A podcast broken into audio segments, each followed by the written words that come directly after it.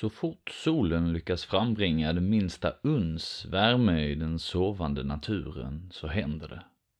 Månader av vintervila bryts. Trevande slås de första vingslagen och så plötsligt är de här. Vårens första dagfjärilar.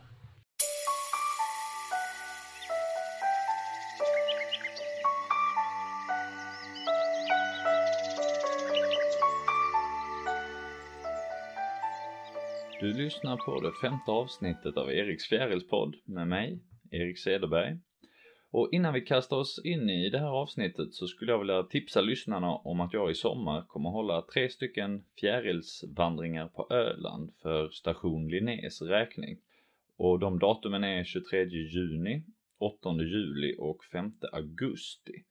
Eh, det är preliminära datum på grund av coronaepidemin så vet vi ju inte riktigt hur sommaren kommer se ut men vi håller tummarna för att det kommer kunna genomföras som vanligt.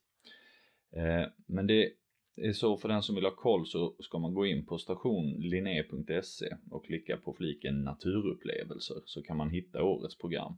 Det finns massvis av andra spännande naturaktiviteter där, inte bara fjärilsvandringar. Så klicka in där, jag tror att det redan går att föranmäla sig till eh, juniaktiviteterna i, i alla fall. Kanske inte de i juli, augusti än, men det kommer. Så är man intresserad, pausa podden och gå in där. Nu så är det dags för tidiga vårfjärilar, vilket jag hade ynnesten att få uppleva i Blekinge tillsammans med eh, Tony Svensson och Janne Svantesson. Så lyssna och njut. Då är det dags för 2020 års första fjärilspodd och det är ju svårt att hitta ett bättre ställe. Jag ligger och myser i solen i Blekinge tillsammans med två gentlemän med lika fjärilstokiga. Ni får lov att presentera er. Ja, jag heter Janne Svantesson och jag bor eh, här nere vid Nässjön. Mitt i Eldoradot, fjärilseldoradot. Och jag heter Tony Svensson. Jag är väl eh, Eh, mest intresserad utav det här med att fotografera fjärilar men eh, eh, jag tittar gärna på dem också och helst när det är sånt som jag inte har sett förut. Eh, kommer från östra Blekinge, bortifrån Jämjö. Eh, fyra, fem mil härifrån. Mm. Ja, det är härligt. Vi kommer ju snacka mer eh, om Blekinge för det är ju ingen slump att jag väljer att åka hit nu när jag ska spela in ett avsnitt om de allra tidigaste vårfjärilarna. För eh, det har vi märkt idag när vi har gått runt att det finns det rätt gott om. Eh, men innan vi går in på den biten så ska ni få möjlighet att prata lite mer om, om själva fjärilsintresset. Janne, hur är det för din del? Var, ja, var... Jag började intressera mig av fjärilar när jag var, ja, jag var ju tio år tror jag inte. Man började samla påfågel, ögonlarver och, på näs, och födde upp på, näs, på nässlor och och sen eh, höll det på några år. Men sen gled jag mer in på fågelskådning. Så det har liksom eh, tagit mycket tid. Fast nu de sista åren sen jag flyttade ner här till Nässjön så eh, är jag riktigt het på fjärilar igen. Och tycker framförallt roligt att kunna identifiera och se nya arter och åka runt lite i Sverige och eh, se lite ovanliga fjärilar. Hur är det för din del Tony? Ja det började faktiskt eh, hemma i morsans blomsterträdgård.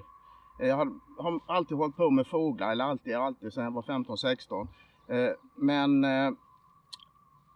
sen blev det det här med fotografering, tog det mer och mer tid och jag upptäckte då, upptäckte då i mammas blomsterträdgård att det var ju faktiskt ganska roligt att fotografera fjärilar för det, det kom ju många sen när jag flyttade till Björkenäs och eh, anlade en egen trädgård, då började jag faktiskt med en gång och eh, samla olika växter och plantera. Så nu har det blivit ganska många rabatter och jag planterar just sådana växter som drar till sig fjärilar. Och eh, det blir ganska mycket tid hemma just i trädgården för att försöka hitta sånt som man inte har sett förut och få nya bilder det häftigaste som jag har haft där är den svartfläckiga blåvingen som är, den är utdöd här i Blekinge i stort sett. Men du hade den i trädgården? Ja, jag har haft den. Jag hade den första gången eh, fotograferade den utav misstag, upptäckte det i efterhand. Eh, sen hade jag den för förra sommaren igen och fick eh, fina bilder. Ha. Så den är kanske inte helt utdöd här ändå? Kanske inte. Det gäller bara att försöka hitta var kärnlokalen ja, ligger. Precis. Ja, nej, det är sånt. Jag hade ju också en sån i trädgården men den hade flytt Öland under torkan och eh, tagit sig till min trädgård. Vi har ju gått runt idag och, eh, och vi har kikat efter de här tidiga vårfjärilarna och vi har fått se alla arter utom en. Eh, så vi, vi, vi ligger här vid en liten skogsöppning och har lite småkoll på fjärilarna som landar. Nu landade en vinbärsfux precis bredvid mig. Eh, men det är körsbärsfuxen vi är ute efter fortfarande. Ja. Men Den kommer. den kommer, lovar Janne. Ja. Eh, vi håller lite på det här med arterna och, och, och börjar i andra änden. Eh, Nässjön och trakterna här i kring. Eh, vad är det som gör det här så himla bra? Ja, det är ju fram, framförallt den fina biotopen då med eh, framförallt ädellövskog, närhet till vatten och eh, de här öppna gläntorna, så kallade kuvöser då som blir. Och eh, ja, det, det är flera grejer som ska spela in för att det ska bli bra biotop och att de ska trivas och bli kvar. Mm. Och det är det här nere vid ju. Och det gäller inte bara fjärilar, det är ju andra insekter också som har hittat hit som i princip bara finns här nere runt sjön och sådär. Vä- Väldigt fin oas. Ja. Eh, Jag, har tänkt på det idag att det är lite av ett skolboksexempel på de platserna man vill hitta om man ska få de tidiga dagfjärilarna. Mm. För du sa som, att det blir som små kuvöser. Mm. vad är det du menar? eh, Bara så att lyssnarna kan försöka hitta det här. Ja. Själva. En ku- kuvös, det menar jag med att, att det blir en glänta som i regel är helt vindstilla och, och att det blir eh, riktigt, riktigt varmt och liksom så här att de kan sätta sig. De slipper vinden. För Ja. många av de här arterna, tidiga arterna, de är väldigt känsliga för vind. Mm. Och det är, det är ju rätt kallt i vinden så här på eh, tidiga våren. Ja. Sen är det, är det ju extra bra om det finns eh, blommande sälj till exempel i, i, i kanterna. Sjökanten. eller i, i, när, precis, i omedelbar närhet. För det är ju, är faktiskt en av de viktigaste växterna vi har för de tidiga insekterna. Och det har vi ju sett idag. Vi hade ju massvis av arter på sälj eh, just. Ja, det är ju nästan bara säl de har att försöka på Mm. just nu, så här tidigt. Och sen, sen hade vi ju ett annan, en annan grej som vi har sett det är ju när man har röjt eh, skogen. Mm. Eh, för vi har haft eh, på savande stubbar och sådär också är ju eh, rejält poppis eh, för fjärilarna. Men eh, också, eh, vad heter det, vi har haft utmed skogsbryn kan man väl säga egentligen. Mm. Eh, bara det inte blåser för mycket så behöver det inte ens vara en glänta men det, gärna ett skogsbryn där solen kan stå och gassa liksom. Ja. Ligger det i en glänta är det ju suveränt för då får man ju lä också garanterat. Mm. Eh, men det, det gör ju också att lokaler där det finns en skogsbilväg som löper på rätt sätt och får solinflöde kan också vara riktigt Mm. eh, fina. Ja, Ja, det attra- attraherar ju de här fjärilarna. Och går ner framförallt på grusen också. Och sola sig. ja. Så om man lyssnar och är, är sugen på att dels få med sig andra ut och få dem fjärilsfrälsta men också hitta bra ställen i sin närmiljö om man inte redan har gjort det så eh, håll utkik efter det vi har, har pratat om här. Men eh, jag tänkte att det här programmet så, så vi går igenom de arter dagfjärilar man har en chans att se. Och de kan man väl dela in i två grupper. Vi har en som är en vitfjäril och sen är resten vinterpraktfjärilar va? Ja, För citro- tänker du på citronen? Ja, precis. Ja det är det kanske. Ja. Ja, jag tänker citronen är, är Ja. den som skiljer ut sig. Hur kommer det sig att det är just de här som flyger så tidigt när alla fjärilar kommer sen? ja, det har ju med deras uh, livscykel att göra ju. De, eh, de här fjärilarna som vi ser nu, de här som är nyvakna, som har övervintrat som adulta. De uh, kläcktes ju här i, i juli och flyger kanske bara ett par veckor. Och sen mm. hittar de ställe att övervintra på. Sen vaknar de tidigt och parar sig och lägger ägg. Och sen är, går nästa cykel igång då ju. Så det, det, är just den, den grejen att mm. de spenderar vintern som fullbildade fjärilar? Ja, som i mag och som heter ja. insektsvärlden. Och om vi river av arterna här. Vi har citronfjärilen nämnd och den eh, skiljer sig då. Det är ingen vin vinterpraktfjäril där vi har de, de övriga. Eh, vilka arter är det vi har? Har du dem i huvudet Tony? Ja, jag tror det. Eh, vi har eh, de välkända fjärilarna nässelfjäril och påfågelsöga. Och sen har vi tre stycken så kallade fuxar. Vinbärsfuxen som är den vanligaste och sen körsbärsfux och videfux. Mm. Och sen en till. Sen har vi en till som vi fick en fantastisk obs på för någon timme sedan på ett mm. annat ställe. Sorgmantlen. Fantastisk. Ja, vi har nog sett en sju, åtta stycken idag. Ja, det verkar som att den har ett toppår. Ja, för det, flö, det flög många i, i, i augusti. Och där borde det gått för att det ska flyga många nu. Nu kom det någonting, men det var nog bara det var ja, påfågelöga. Fjärilar hela tiden här. Ja. Om vi börjar med citronen, för det finns en intressant annan skillnad tycker jag som man ser tydligt om man, om man tittar på citronfjäril, för det är nästan den som man, tycker jag, det är den man ser först. Så är det många säger det, citronfjärilen kommer först. Och den är ju ganska, ganska härdig fjäril. Den... De kan ju till och med vara uppe och flyga, alltså varma vinterdagar. Eh, och sen eh, försvinner de igen mm. och kommer upp senare. Och de, eh, många av de här söker ju skydd under vintern och övervintrar. Citronfjärilen sätter sig ju på marken när det blir för kallt. Och sen eh, litar den på att den ska, det ska komma ett snötäcke så täcks den av snö och då klarar den de här riktigt smällkalla vintrarna som man kan ha längre norrut. Men det, den, den fixar liksom att övervintra på barmark och så fort det är varmt nog så, så börjar den flyga igen. Och det är just det som är en tydlig skillnad för man ser ju den flygandes hela, hela tiden mm. på vingarna. Mm. Eh, nu tror jag det landade en bärfis på mikrofonen om eh, lyssnarna undrade vad det var som surrade till. Är det hårig bärfis kanske? No. Ja, ni hör vingljuden här när den, vi får se hur mycket den stör. Eh, men hur kommer det sig att vi har den här flygande hela tiden? För det är hannen som är citrongul det är ju den man nästan alltid ser först. Ja. Eh, vad är det den gör när den flyger runt så här? Han flyger runt. Hannen flyger i regel en, en vecka tidigare än honorna då. Och så hannarna de patrullerar runt och hittar några bra ställen då liksom som kanske som man kan kalla ett revir då ju. Och inväntar honorna då ju till de ska börja flyga. Ja, de patrullerar försvarar de revir också? Citronfjärilar? Ja, de, de, de, de hittar liksom bra fina gläntor. Ja. Och patrullerar runt ja. i, ja, i gläntorna. Ja. Jag tycker det, man ser den oftare på vingarna och sen de andra som man ser tidigt, de, många av de arterna sitter ju och försvarar mm. sina revir eh, på ett ställe.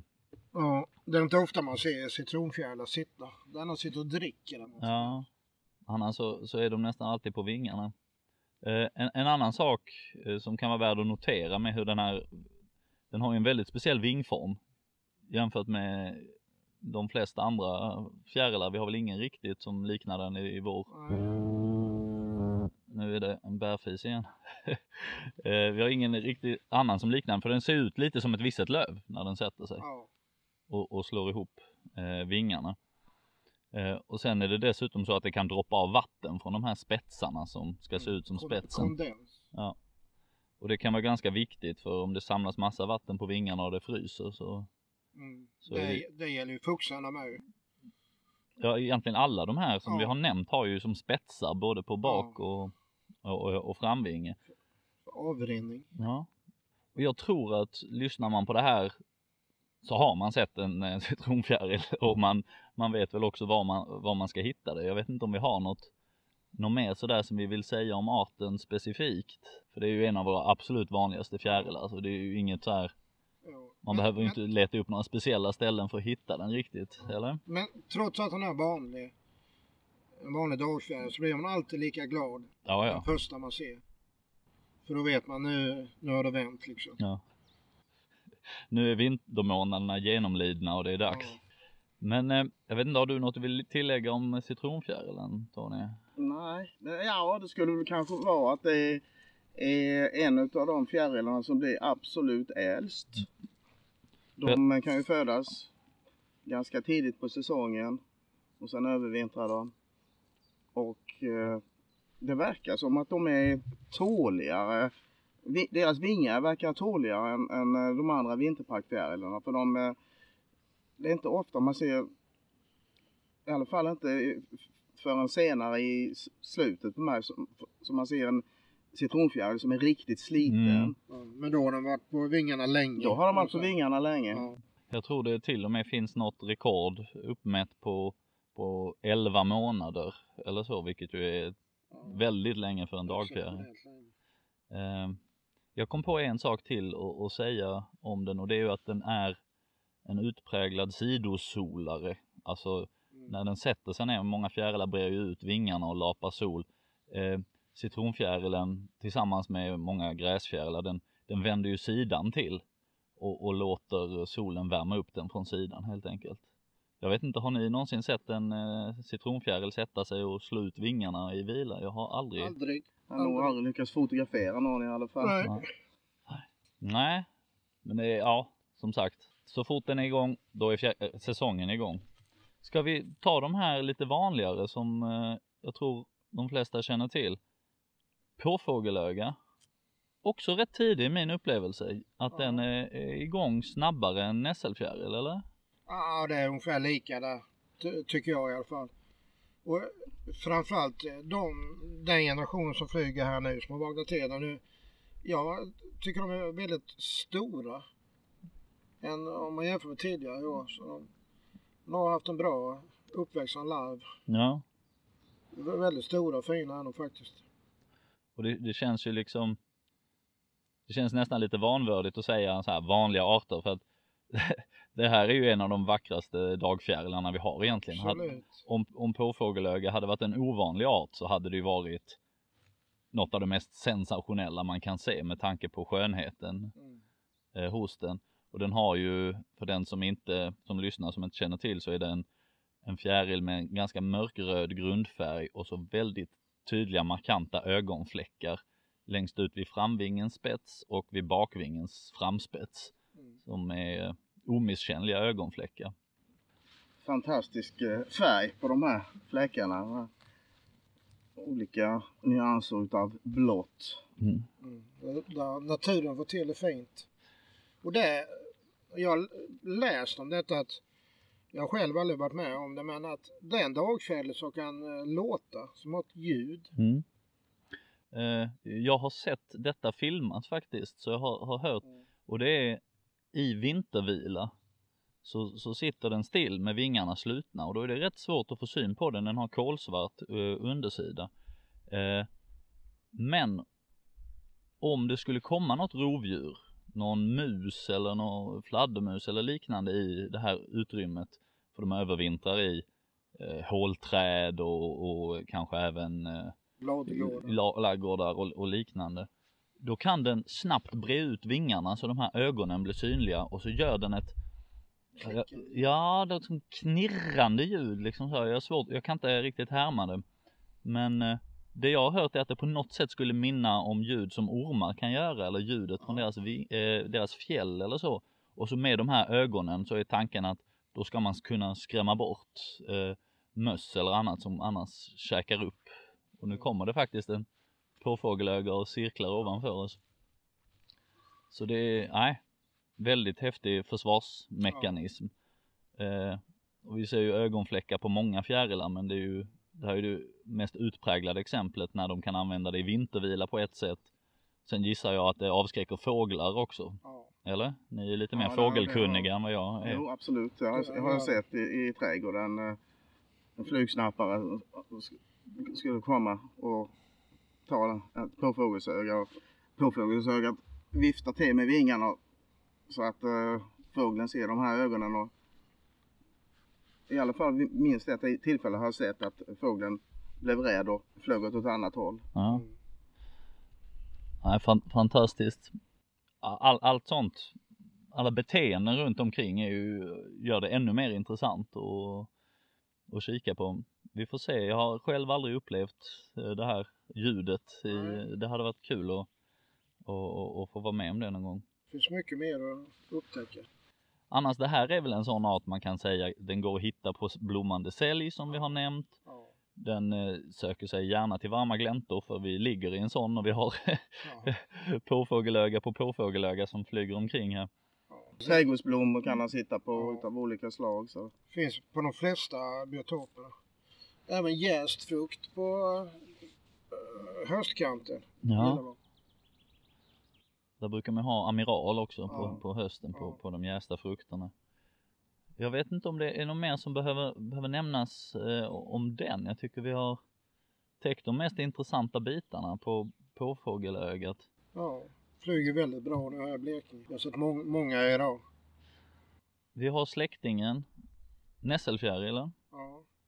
Jag vet inte vad vi har att säga om den mer specifikt för den liknar ju påfågelöga ganska mycket i sin livscykel Ja. med undantaget att nässelfjäril kan komma i sommargenerationer också medan påfågelöga håller sig till en generation som jag har förstått det eh, och, och oftast inte kommer i extra generationer. Jag vet inte om det här stämmer med Vet inte, jag har läst det också. Men jag, jag tror det kan förekomma en andra generation med hos påfåglar. man ska aldrig säga aldrig med naturen för man blir alltid överraskad. Precis. Eh, Men t- tillbaka till nässelfjärilen. Det är väl den, det är väl den svenskaste fjärilen som finns. Ja, det- Den det- känner väl alla igen. Ja, jag tänker också det. Eh, Det trodde jag också att, att alla gjorde. ja, Men eh, är det inte så att ofta så kan folk få se en vinbärsfux eller en körsbärsfux och ta den för en nässelfjäril? En stor nässelfjäril. Ja, nej men jag, jag fick förklara för min moder hur man såg skillnad på de här.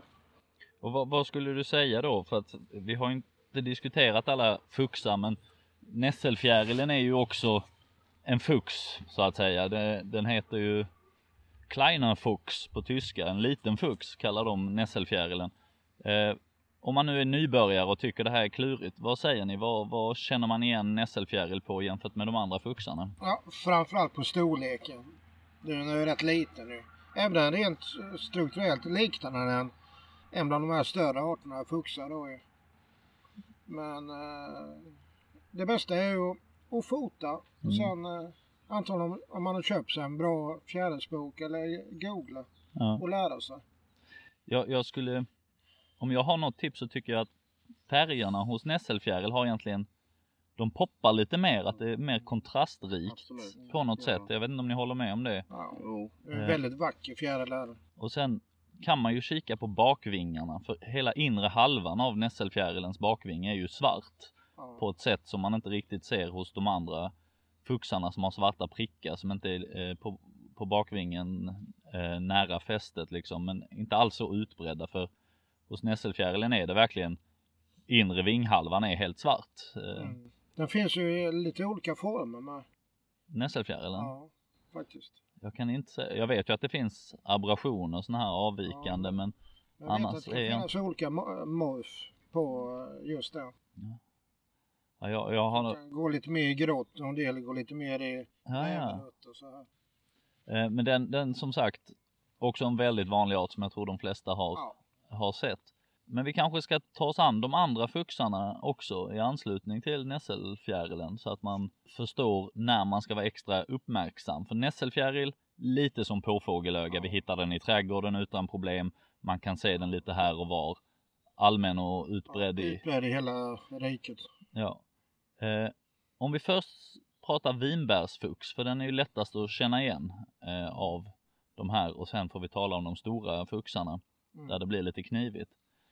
Vinbärsfux, Ja, det är, det är en väldigt flikig, rätt liten fux. Snygg uh, rävröd färg. Och sen det bästa kännetecknet, det är när den slår ihop vingarna. Den har väldigt mörka undervingar med ett tydligt vitt, vitt C på. ja. bakvingens undersida har ett... Ja, det heter C komma på latin. C album Ja, på, på latin. Eh, vitt C. Och det heter den väl på, det heter den på många andra Ja, eh, språk. Det Det, är- bra kännetecken. ja, det är ju en rätt vanlig art är det faktiskt. Jag skulle säga lite mer skogsmarksbunden kanske och även om man har den i trädgården tycker jag man har ju väl mer eh, påfågel och nässelkärl i Ja, trädgården än vinbärsfuxa. Mer kanske skogsart. Ja.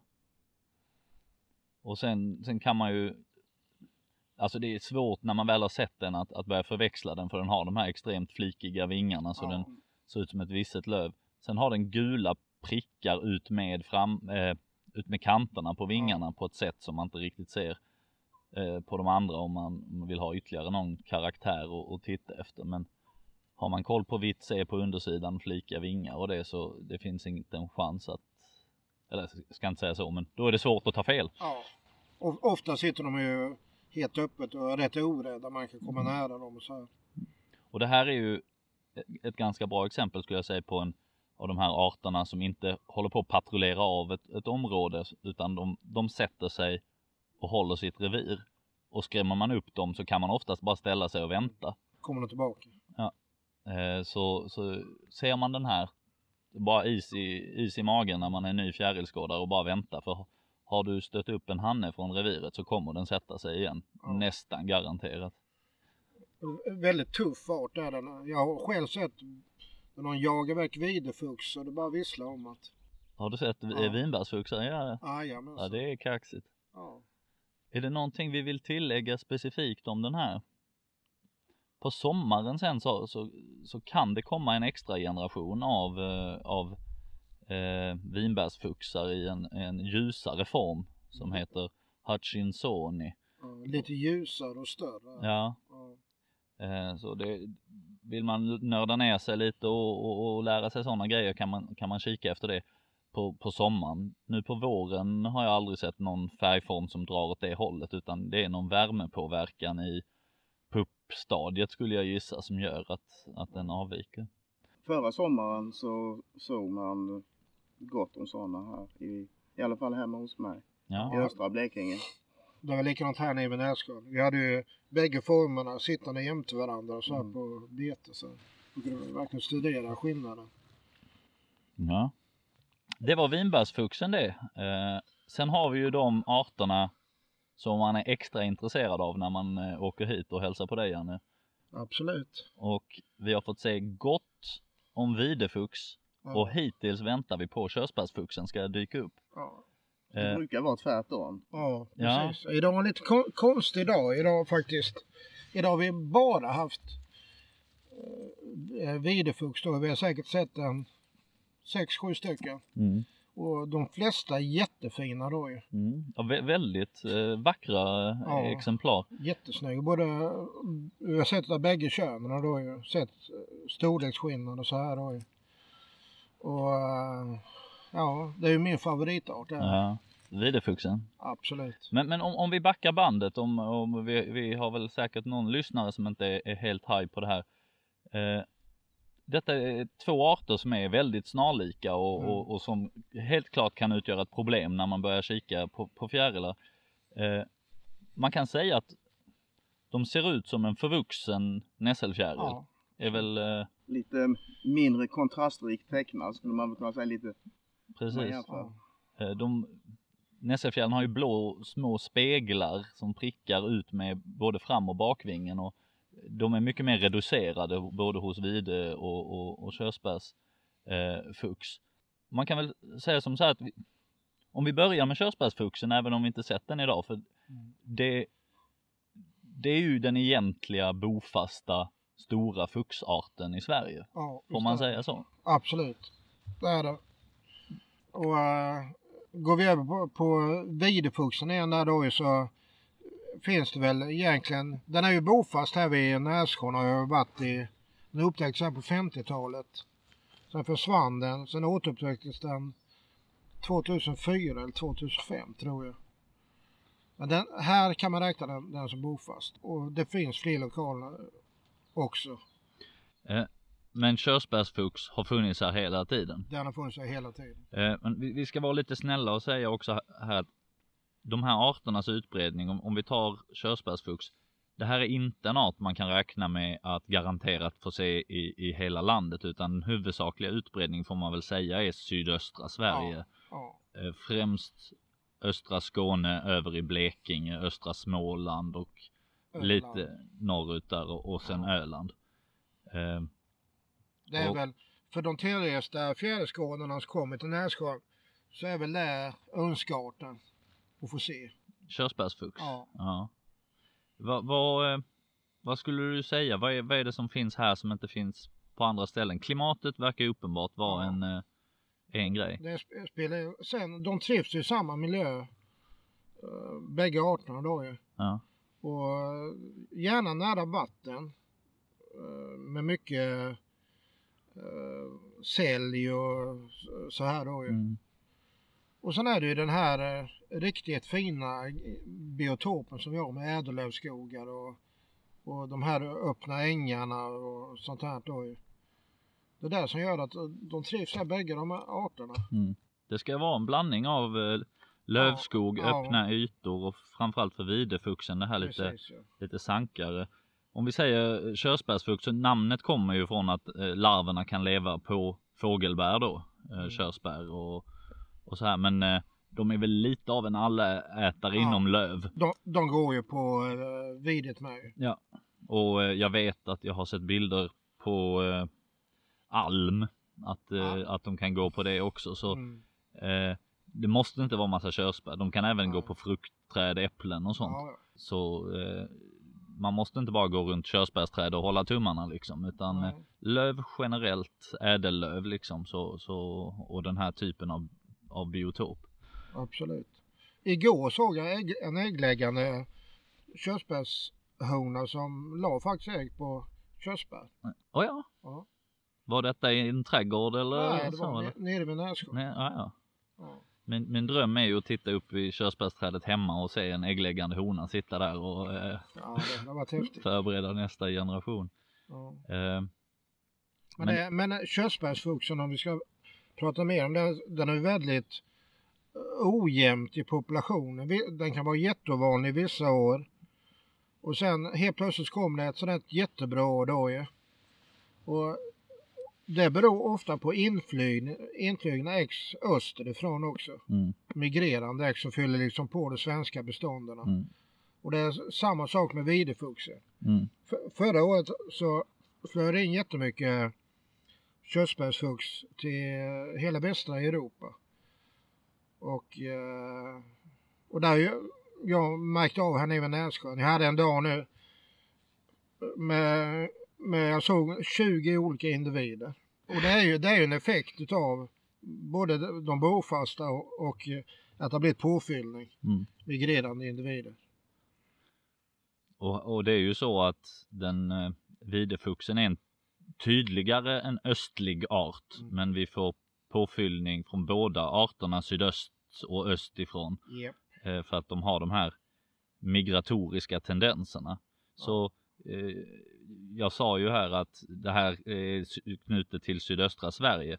Men man ska ju inte ge upp hoppet för det, för på grund av de här migratoriska tendenserna så ploppar de här arterna upp på nya ställen. Ja. Så se till liksom att i er närmiljö ha koll på de här miljöerna där ni vet att det finns tidiga vårfjärilar. För rätt vad det är något år så, så har ni flyt och då sitter där en videfux eller en körsbärsfux.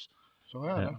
Eh, eh, kanske, jag vågar inte säga allra längst i norr i Sverige men Nej. södra halvan tycker jag i alla fall man ska ha lite koll eller vad säger ni? Ja absolut. Och det gäller framförallt videfuxen. För den spred sig ju då 2014 den, den stora inflygningen var ju. Mm. Det resulterar ju i fynd upp i Mellansverige. Om vi då går in på skillnaderna här lite innan vi, innan vi tar rent morfologiskt. Körsbärs har vi, vi har ädellöv och så här. Vad vill videfuxen ha för, och, för sina larver? Ja det är ju det är vide. Vilket vide som helst går bra? Ja, jag tror är det gråvide det kallas, jag vet inte. Ja. Det kanske Tony kan svara på. Jag tror att det går med olika vide och säljarter men alltså att de föredrar, föredrar gråvide. Ja. Mm. Och sen växer de ju på ett speciellt ställe såg vi ju när vi var nere vid Nässjön här innan att man hittar larvkolonierna. Ja. Ute, ute precis i, där vattnet tar vid så hänger det ofta de lägger och bildar så kallade larvkolonier, videfuxen då Så hänger de här ut över vattnet i klasar då. Och det, det ska vara det allra bästa. Jag har hört rinnande vatten ska ja, vara ytterligare alltså, lite, lite bättre. Strömmande vatten. Strömmande vatten med ja. de här gråvide grenarna hängande över. Ja, för här nere vid Närsjön det är ju en sån här är det videdjungel med, med labyrinter om man säger. Eh, man kan åka in med båt precis på plats med båten. Och där har jag tänkt många gånger. Här ser det jäkligt bra ut för larvkolonier. Om vi, vi tar, hur, om man får se den här, nu är det lättaste med bilder, men vi kan ju i, i, i podden redogöra för vilka är de bästa karaktärerna och se skillnad på körsbärsfux och videfux? Vad säger ni? Vad, vad tittar ni efter Tony? Vad brukar ja, du kika på? Jag tycker en av de bästa karaktärerna är det här svarta bandet på längst ner på bakvingen. Som på eh, videfuxen är mycket diffusare och hos körsbärsfuxen så är det distinkt och sen avgränsat med eh, ofta ljusa ljusgula bågar. Ja. Eh, de kan ju bli bortslitna så att de knappt syns sen. Men eh, sen har vi ju den här vita fläcken hos videfuxen på framvingen. Som sitter? Sitter ute vid, ja. intill spetsen. Men det kan vara svårt att se på ja. vårinvide ifall de är slitna. Ja det, det är ju ett problem. De blir slitna av vintervilan och flyger så både den här kanten längst ut på bakvingen kan ju bli så pass sliten att man får problem. Annars mm. är det bra karaktär och likadant den här vita fläcken som är vit på videfux och snarare blekgul ja, som de andra absolut. ljusa fläckarna vid framvingens framkant. Ja. Den kan också ta stryk och, och, och sådär. Ja. Eh, vad har vi mer att kika efter om man... Eh, ja, ett, en bra, jättebra karaktär är ju benfärgen på de olika arterna. Som eh, videfux har ju gulvita ben. Medan körsbärsfuxen har mörka ben. Det är en bra karaktär. En gam bra gammal hedlig karaktär. Så där kan man vara relativt säker när man ja. får en art och eh, en av dem och, och ja. får man se benen. Ja. Jag tror vi har täckt de viktigaste för sen det finns sådana här som kan vara rätt kniviga om våren att körsbärsfuxen har en mer djupare röd och nej förlåt mig, videfuxen är lite djupare röd, körsbärsfuxen något blekare och kan ha liksom som gula inslag ut med den yttre delen av de röda fälten även på framvingarna och som du nämnde Tony har den ju de här gula bågarna på. Ja. Så den ger ett ljusare intryck. Ja. Men återigen, det där kan blekas och vara lite små, svårt att, att ha koll på. Vi, vi såg eh, nog för några veckor sedan så såg vi, eh, hittade vi flera jättefina körsbärshonor som var riktigt rävröda alltså. Mm.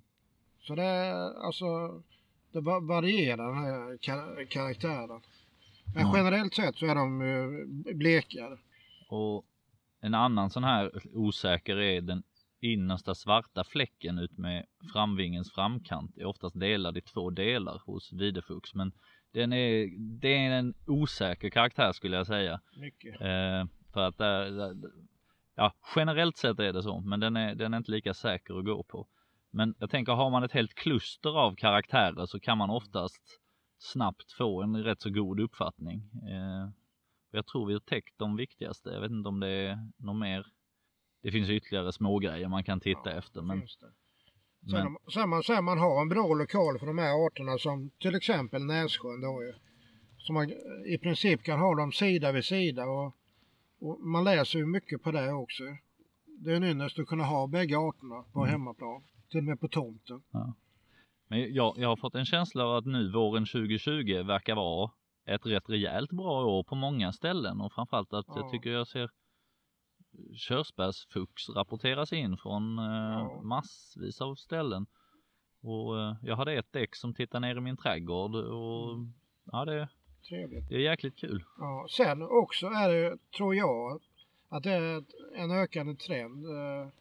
Att det blir mer och mer fjärilsskadade. Ja, det har du helt klart rätt i. Ja. Det är ju jätteglädjande. Ja. Ja, det, det, det, kan vara lite svårt ibland att veta. Är det, fler, eller är det bara fler folk i, i, mm. ute i fält? Men generellt sett så är det ett bra fuxår där. Ja.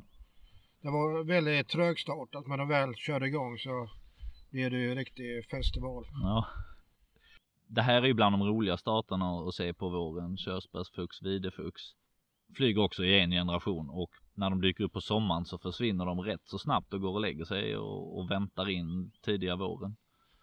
Eh, så det är, det är nu som är bästa tillfället, ja. eller störst chans att se ja. dem liksom. Så de nykläckta, de är väldigt skygga också. Mm. Och det är otroligt vacker fjäril är det. Mm. Bägge arterna, de är helt uh, nykläckta. Ja. Jag har haft turen att få se bägge arterna nykläckta i juli då. Vi såg ju en uh, videfux idag ja. som såg väldigt fräsch ut i dräkten så man kunde nästan tro att det var på sommaren.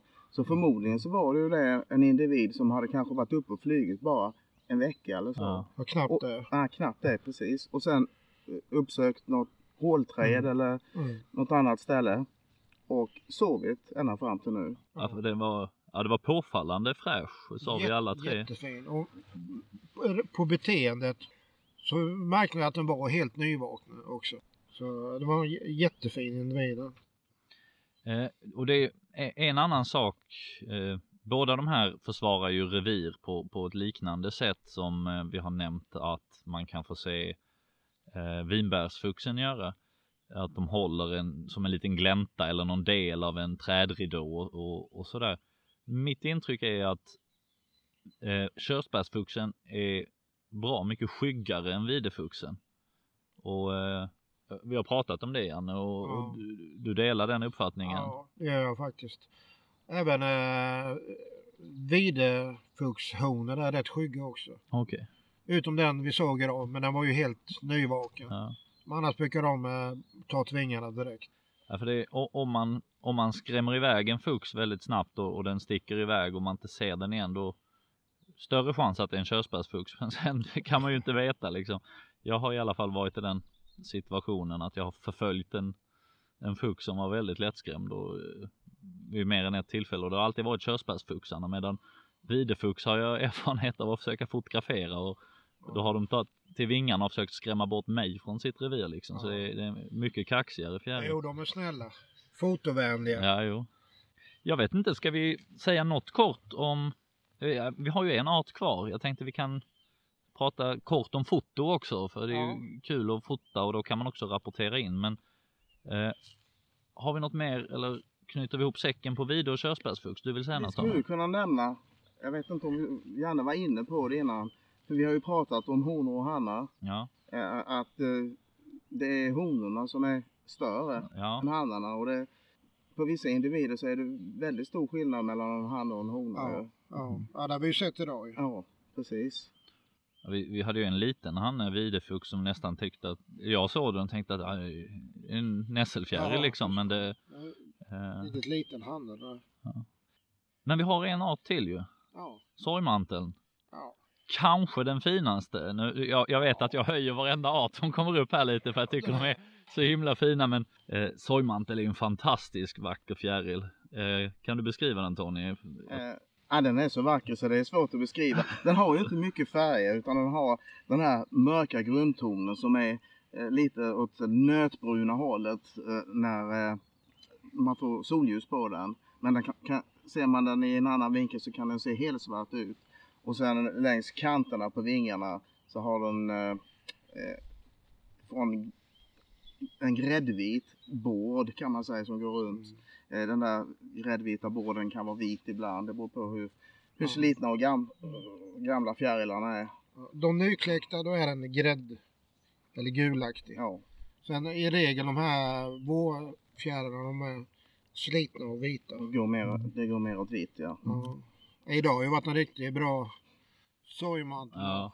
Vi, vi, ska inte glömma heller, den har väldigt vackra blå speglar innanför den vita borden också. Blå fläckar utmed som gör, ja, fantastiskt fin. Ja, eh. fick, vi ju, fick jag ju en fantastisk bild på idag. Eh, på de här blåa eh, fläckarna eller områdena som sitter där. Mm. Eh, ja, nej, det, det, det, Ja, det är en, en riktigt snygg pjäs det där. Ja. Och stora är de ju också. Ja. ja, riktigt snygg. Ja. Eh, och sorgmantel är tillsammans med körsbär, videfux. eh, Alltså körsbär kan väl dyka upp i trädgården för det har jag varit med om själv och äldre trädgårdar med äldre fruktträd kan den vara. Men annars så är det de och sorgmanteln framförallt är ju skogsarter mer Ja. utpräglat. Eh, och här har vi, om vi tittar upp därifrån vi sitter så har vi rätt mycket björk. Och det är ju ett väldigt vanligt träd och det är, Ja. det är det som den vill ha också till sina larver. Mitt intryck, alltså fram till idag hade jag kunnat säga det här att jag tycker oftast man stöter på någon enstaka och så är det inte mer. Men idag har det ju flugit hur mycket Mm. sorgmantel som helst. Ja. Vad sa du Janne? Sex stycken? Ja, det räcker inte. Nej. Det räcker inte. Eh, så ja, jag vet inte vad jag ska säga. Jag tänkte Nej. inför den här podden att jag ska säga att det, det är en sån man ser, kanske en eller två. Eh, om man inte har tur att hitta ett Ja. savande träd där det sitter många. Men nu har det flugit runt hur mycket som helst. Så de, Ja. Nej, det har varit en bra dag för eh, väldigt fint år kanske. ja. Jo, det, det var den fjärilen som väckte mitt fjärilsintresse när jag var liten. Ja, första gången jag fick se en sorgmantel. Otroligt vacker fjäril där. Det, det är ju Fort, storleken. favorit. Ja. Fantastiskt fin. Jag skulle vilja säga att det lättaste är att få se den vid savande stubbar är bra om man har röjt i skog. Där är hyfsat goda chanser.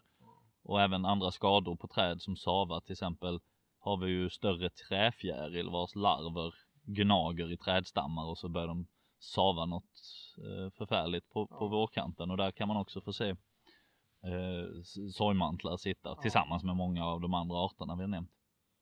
Nu pekar Janne, jag vet inte vad det är för fjäril du... Ja, det var Så. påfågel satte sig nästan. Ja det här den satte sig på. Det satsar nästan på redaktören. Ja, jag väntar Ja. på att en fjäril och inte bara en bärfis ska sätta sig på, på micken så vi kan få lite Ja. schysst fladder. Jag vet inte om vi har man kan ju som, ha som tips att det går ju att hänga upp vinsnören Ja. eh, på, på våren också och, och locka till sig fjärilar att man helt enkelt mättar ett billigt vin med socker så blir jättesött och sen blöter tygtrasor eller rep och hänger upp på träd och så väntar man in fjärilarna helt enkelt. Ja, gärna att, att den här betet då, att man kan blanda in någon frukt, banan eller vad som helst. Ja. Och sen lite, lite jäst. Så det, det är omo- omotståndligt för dem. Ja. Provade faktiskt förra helgen. ja. Fick du Eh, napp? Jag fick napp. Det dröjde två minuter tror jag så kom det en vinbärsfux och satte, satte sig. Jag tog faktiskt och penslade ut den här vätskan på en eh, gammal björkbit som jag inte hade eldat upp som låg i trädgården. Eh, och ja, det Det drar. otroligt snabbt. Eh, de kände väl lukten där. Sen hade jag någon körsbärsfux också men den, den ville sig in, inte stanna kvar. Nej. Den flög iväg. Mm. Jag vet inte vad vi har mer. Sorgmantel. En sak man kan säga som jag vet, som jag vet du har nämnt Janne och som jag har läst om är att larverna är, den är ganska vanlig art ute i skogen, men larverna är tusan till svåra att hitta även om man vet precis var arten finns Ja. och sådär. Jag har aldrig hittat larver. Eh, Aldrig. För jag tror du sa till mig att du, du såg var den la sina ägg till och med. Ja. Men ändå så, Ja. jag vet inte om någon har några bra tips får de höra av sig. ja. Faktiskt. Men vi, Ja. har, vi har två arter kvar att prata om som I- inte är dragfjärilar. Ja, och de, eh, de behöver nämnas ändå. Vilka är det? Det är brun flickfjäril och grå flickfjäril. Vi har haft, jag tror jag har sett bägge arterna idag. Ja, jag tror också det, även om vi inte haft möjlighet att närstudera dem. Den eh, gråa arten är rätt sparsam och rätt ovanlig. Medan den bruna då är vanlig skogsmark. Gärna, gärna i dikeskanter där det är lite fuktigt och så där kan man söka dem. Mm. Väldigt lättstötta. Ja, Extremt lättstötta. de flyger upp så fort man kommer nära. Ja. Och, och det, det, det är bra arter att hålla koll på även om man är intresserad av dagfjäril. För börjar man fjärilskåda så i flykten kan de vara svåra att skilja från nässelfjäril eller vinbärsfux. För att de, de är ju brun gråspräckliga på framvingarna. Men bakvingarna som är täckta när de sitter i vila, de är orangea i en ton som minner om de här dagfjärilarna. Så väl i flykt så, så kan det vara lite knivigt för eh, framförallt som nybörjare och även eh, lite mer rutinerad kan man bli lurad på ja, dem i flykten. Absolut. Dagflygande nattfjäril, kan ja. man säga så? Ja, det kan man väl. Ja. Det är ju det det är. Yep. Ska vi få några fototips från eh, Tony? Hur ska man tänka när man fotar fjärilar så här tidigt på våren? Eller generellt? Eh, ja, det beror ju på lite vad man har för någon utrustning. Har man bara mobiltelefonen så behöver man ju ofta komma väldigt nära och eh, det kan ju gå det med. Det man ska tänka på då det är ju att röra sig väldigt långsamt med jämna rörelser. Eh, så kan, kan man ha tur och komma så pass nära så att man även kan fota en, en mindre fjäril.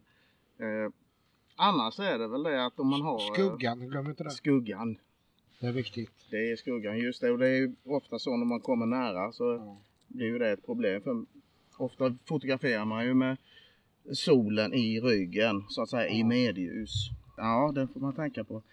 Eh, har man en eh, mer avancerad kamera, en sån här kompaktkamera med som man kan zooma ordentligt med eller en systemkamera med en telezoom så blir det lite lättare att fotografera fjärilar.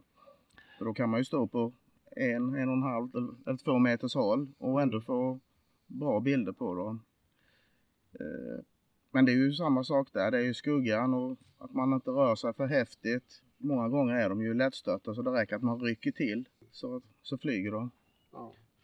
Sen, sen vet jag det är erfarenhet att om man till exempel åker och tittar på en kanske ovanlig fjäril. Om man är ett gäng och man hittar fjärilen då att man tar liksom hänsyn till varandra. Och sånt där. För jag har varit med om en del tråkigheter. Eh, incidenter med, med det här. Att fjärilar blir hovade istället för nej, fotade eller att nej, bortskrämda? Nej, och... fotograferna tar liksom inte hänsyn till varandra utan någon ska komma närmare och till slut så kanske skräms fjärilen bort då, ja.